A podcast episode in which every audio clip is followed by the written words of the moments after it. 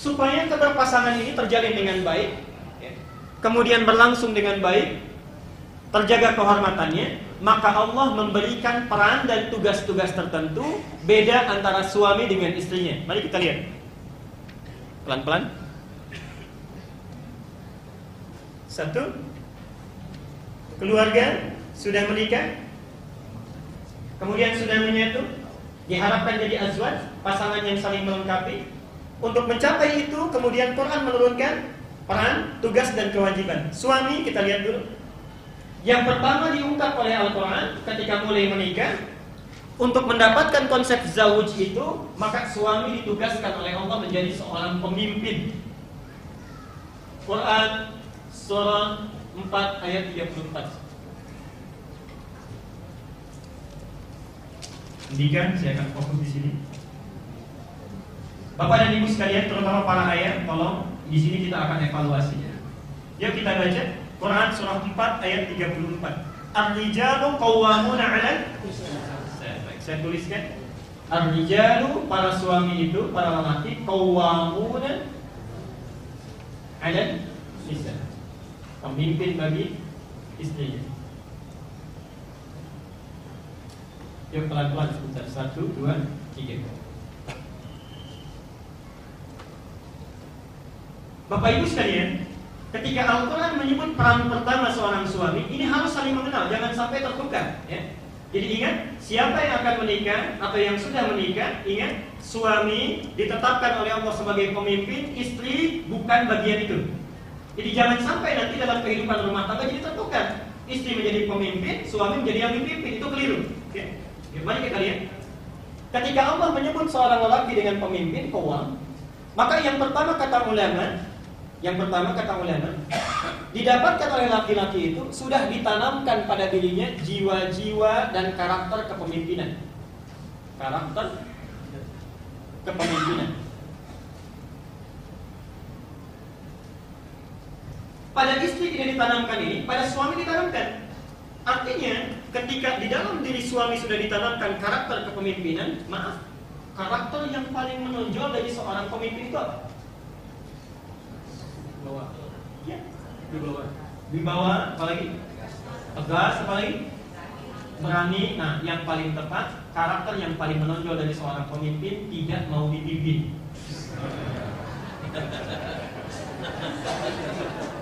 Tidak mau dipimpin. Karena itu pimpinan jarang menerima saran tapi menerima masukan Nah, ibu harus sadar betul ketika suami ditanamkan jiwa kepemimpinan, karakternya pimpinan, maka kewajiban ibu adalah jika ada sesuatu, tadi kan zauj konsepnya melengkapi ya, melengkapi, menambal kekurangan yang ada pada diri suami. Jika ibu mendapati suami ini kurang, ada sesuatu yang kurang dalam dirinya, maka cara menyampaikannya, sampaikanlah pesan itu, kelengkapan itu dengan karakter yang dia miliki sebagai seorang pemimpin. Bisa? Karena sifat pemimpin ini tidak mau dipimpin, kita lihat suami misalnya suami ibu sholatnya belum sempurna. Ibu misalnya ingin mengajarkan cara ruku yang baik, sudah belajar tentang ruku. Bagaimana cara melengkapi dan menambal kekurangan ini? Pulang ke rumah, karena beliau ini pemimpin, tidak mau dipimpin, maka sampaikan cara menyampaikan kekurangan itu sebagai seorang yang mengusulkan masukan supaya dia bisa melengkapinya. Contoh, An-Nahl ayat 125. Ud'u ila sabili rabbika bil hikmah. Belum mau bahasanya. Ajaklah seseorang ke jalan Tuhanmu itu dengan hikmah. Contoh dengan praktek. Ibu belajar tentang ruku, suami belum bagus rukunya, ibu punya konsepnya, pulang ke rumah. Nah, karena ibu bukan seorang pemimpin, suami yang pemimpin, datang sampai rumah jangan diajari. Jangan diberikan teorinya.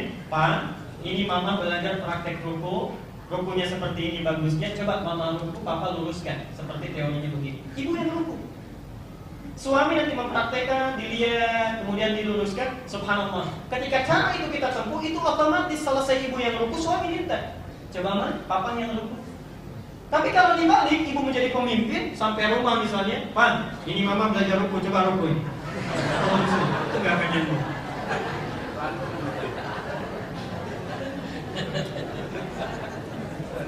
Ini penting saya sampaikan karena 3-4 bulan yang lalu di satu daerah di Bekasi itu ada suami istri, subhanallah, tidak saling sapa semalaman sampai subuh karena permasalahan yang sepele. Suaminya sholat, dalam sholat isya, sujudnya itu lututnya dulu yang turun. Istrinya belajar, tangannya dulu yang turun. Selesai sholat tidak dipraktekkan konsep ini kata istrinya, papa itu salah nggak sesuai sunnah. Harusnya tangan dulu, bukan lutut dulu. Kata suaminya, mama yang nggak baca hadis tuh.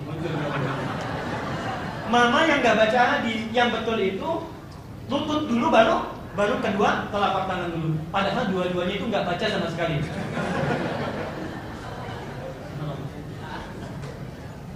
Dua-duanya ada ya di Abu Daud nomor hadis 838 dan 840. Satu ini, kedua perhatikan. Karena sudah ditetapkan jiwa karakter kepemimpinan dalam suami, karena itulah Allah memberikan ilmu-ilmu khusus, ilmu kepemimpinan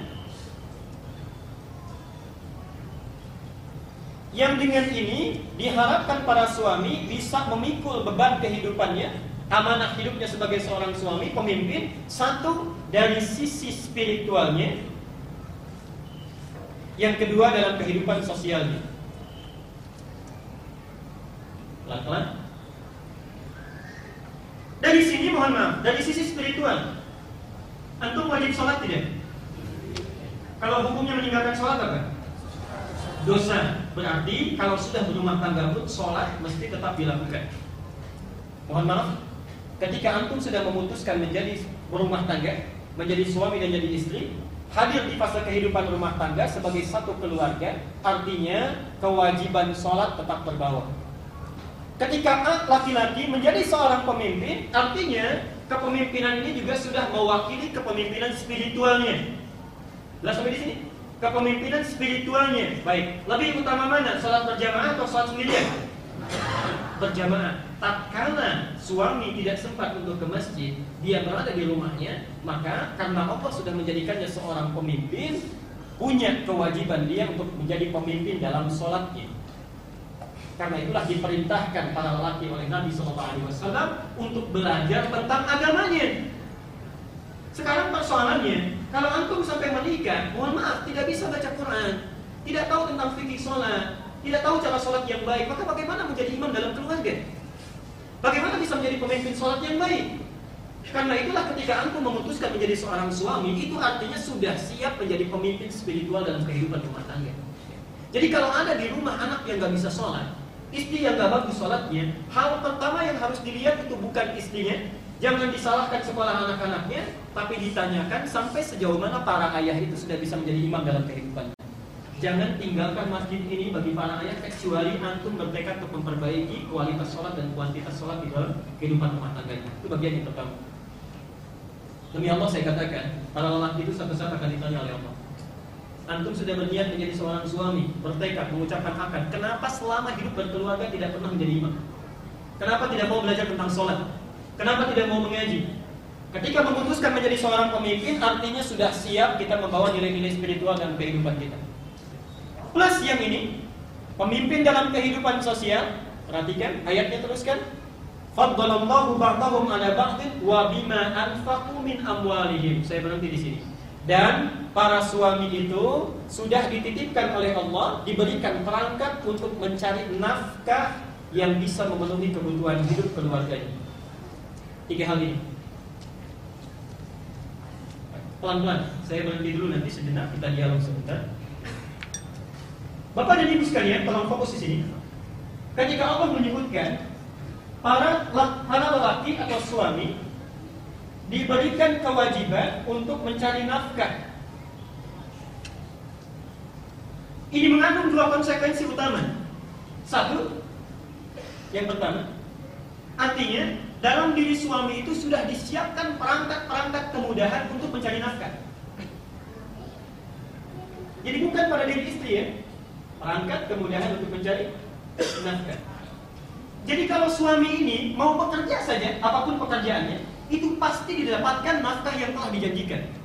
Dan itu jangan ditukar, hati-hati. Jangan sekali-kali ditukar. Istri tidak punya kewajiban mencari nafkah. Sekali lagi, tidak punya kewajiban mencari nafkah. Kalau Anda ingin bekerja, berbisnis yang tidak Sekali lagi, yang tidak menggugurkan, merendahkan kewajiban di rumah tangga, ada peluang baik bisa dilakukan. Itu tidak dilarang, walaupun kata Quran itu akan sulit. Tapi sekali lagi, itu bukan mencari nafkah. Jadi kalau ada seorang suami membebani istrinya untuk mencari nafkah, maka berdosa dia. Salah dia. Saya selalu mengatakan sebetulnya di, di Libya saya berikan fatwa itu tidak boleh sampai terjadi seorang suami mengirim istrinya ke jauh ke negara yang berbeda untuk mencari nafkah dan bekerja itu dosa besar. Suaminya cuma tidur saja, cuma lontang lantung saja di daerahnya, istrinya sibuk mencari kehidupan, nafkah di negeri orang, dan di situlah kemudian kalau menyalahi fitrah, maka keburukan-keburukan akan besar kemungkinan terjadi. Satu. Yang kedua, nah ini Pak, tolong antum fokus di sini dia rumusnya dan rahasianya. Kenapa dalam diri lelaki diberikan kewajiban untuk mencari nafkah? Selain sudah diberikan perangkatnya, kalau laki-laki yang mencari, itu otomatis rezeki istrinya, anaknya, anggota keluarganya itu langsung diberikan kepada suami yang dalam pekerjaannya itu dia bekerja mencari nafkah. Tapi kalau istri yang cari, itu yang didapatkan bukan rezeki suaminya, bukan rezeki anaknya, cuma rezeki dia saja. Saya ulangi ya, perhatikan sini.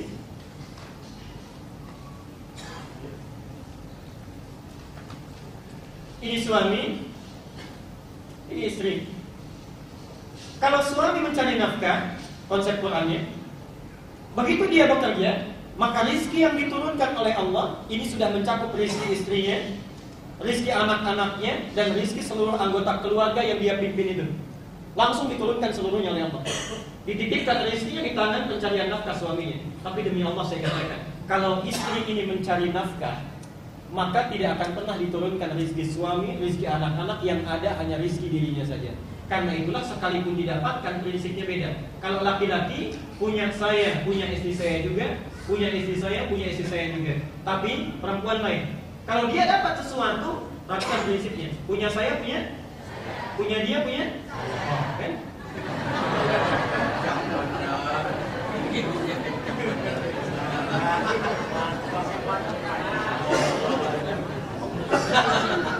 Jadi karena memang rezekinya untuk sendiri, kesan di dalam dirinya juga untuk sulit berbagi.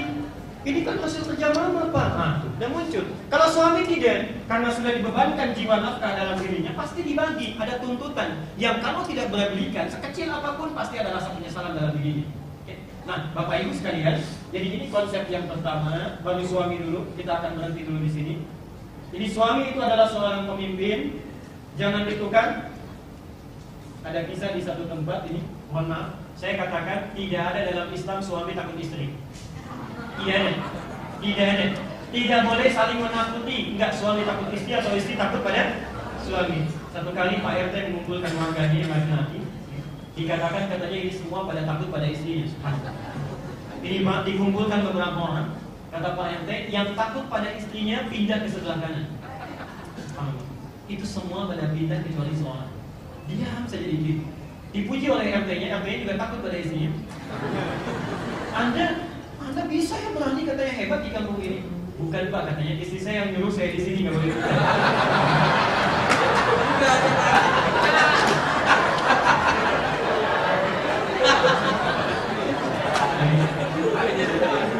Kita pelan-pelan. Jadi ibu sebentar, ibu sebentar, saya ingin tegaskan dulu pada para ayah sesi pertama ini para ayah bertakwa kepada Allah antum ditugaskan untuk menjadi seorang pemimpin maka mulai sekarang gali itu. Pemimpin spiritual yang belum bisa mengimami dengan baik ayo belajar Qurannya. Mumpung masih ada kesempatannya. Barangkali orang lain belum bisa datang ke sini antum dihadirkan karena saking sayangnya Allah kepada para ayah supaya memperbaiki bacaan Qurannya. Keluar dari sini belajar mengaji dengan baik pimpin keluarganya dengan baik dalam sholatnya. Yang kedua antum punya kewajiban mencari nafkah. Saya bacakan hadisnya. Perhatikan kata Nabi. Ada empat dinar dinarun anfaqtahu fi sabilillah. Satu dinar digunakan untuk fi sabilillah. Kirimkan tumpangan masjidnya dan sebagainya bisa fi sabilillah. Dinarun satu dinar lainnya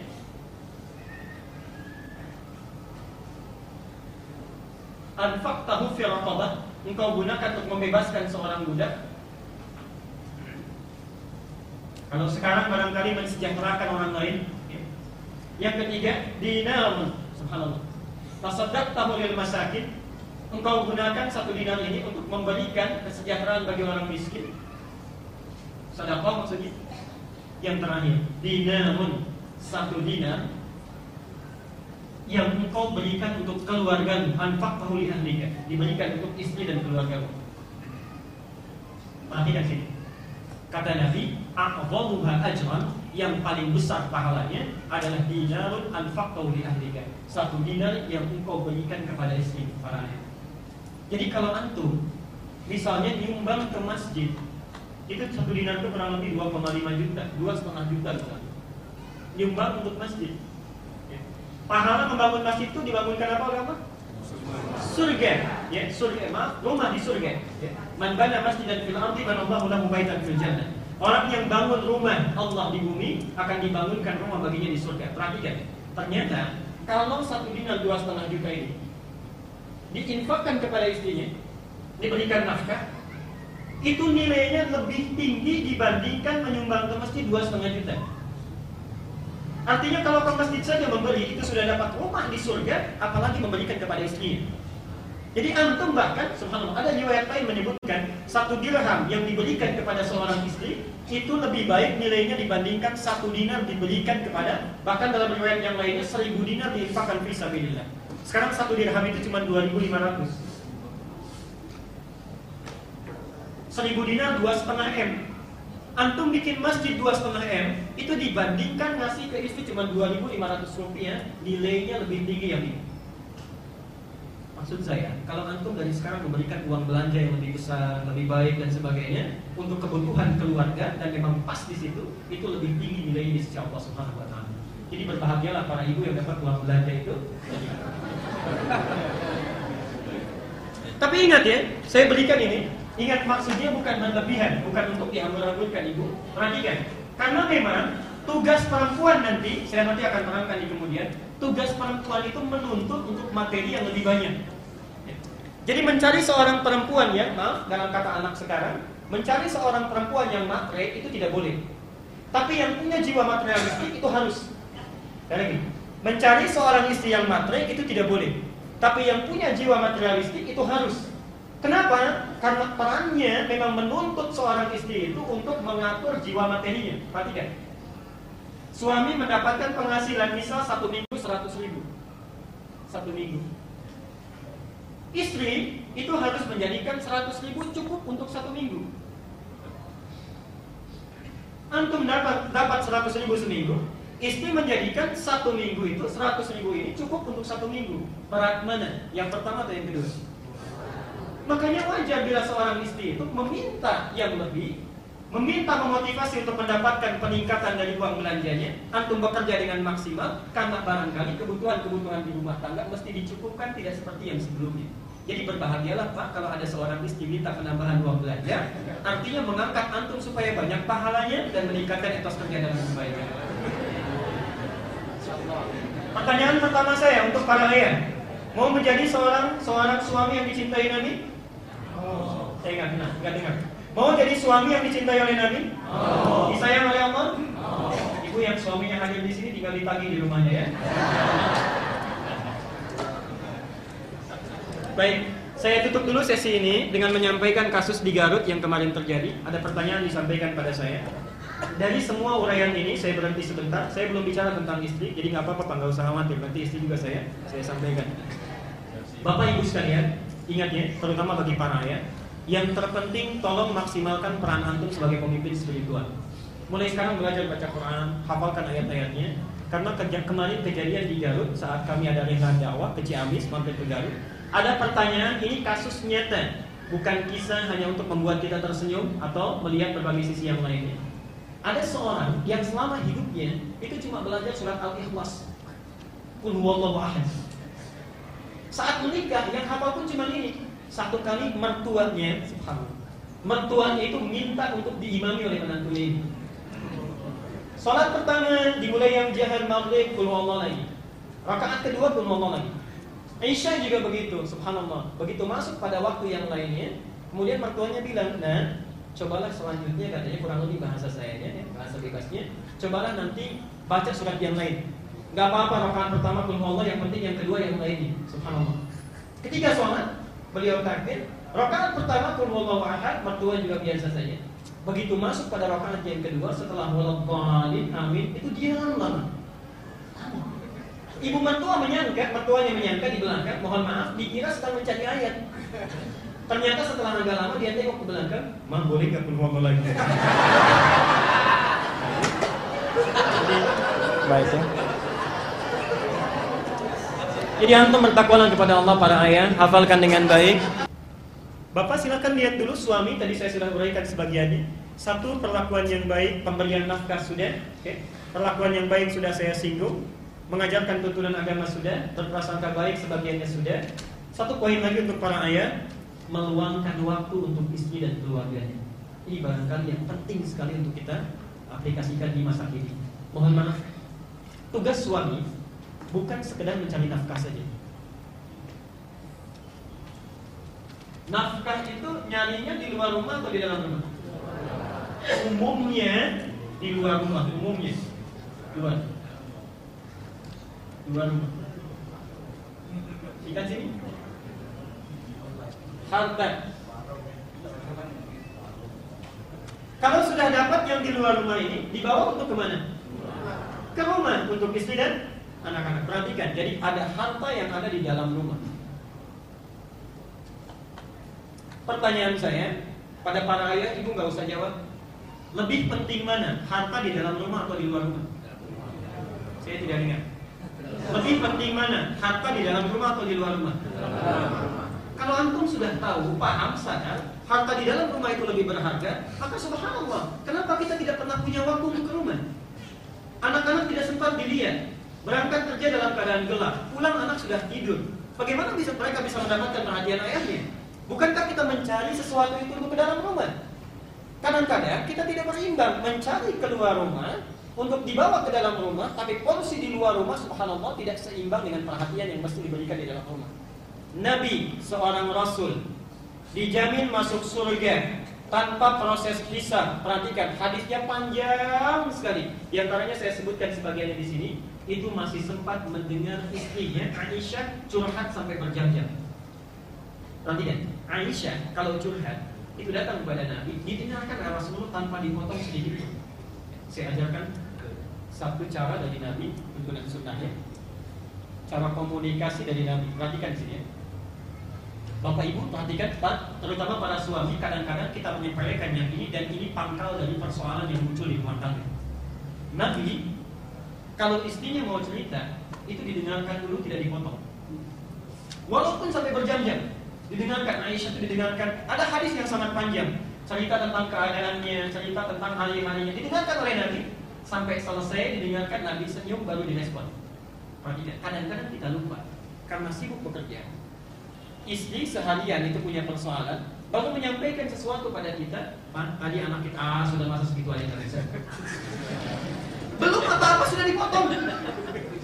Belum bicara sudah dipotong. Ya, subhanallah. Prinsip masa kini kan sampai di bawah ya, lebih cepat lebih baik. Cepat ditolak belum tentu baik. Ya, mohon maaf. Cepat ditolak belum tentu baik. Perhatikan. Ini sudah dipandang direncanakan istri memilih kata-kata ditunggu 5 jam 6 jam pilih kata-kata yang baik disimpan dulu punya harapan suaminya mau mendengar baru menyampaikan pan tadi anak kita ya sudah masa begitu aja nggak bisa belum selesai itu apa yang lahir akhirnya satu kekecewaan mulai muncul, perasaan mulai terpendam di situ. Sedikit-sedikit akhirnya melambat kepada yang lainnya. Ya. Senyum tidak muncul, masakan jadi telat dan sebagainya. Jadi konflik pertamanya. Ini Rasul dijamin masuk surga, bebas dari hisab, masih mau mendengarkan istrinya itu bercerita didengarkan tanpa pernah dipotong. Kita bukan nabi, bukan rasul, hisab belum jelas, surganya belum menentu, karena itulah bertakwalah kepada Allah pulang dari sini setidaknya istri cerita dengarkan dulu. Oke? Okay?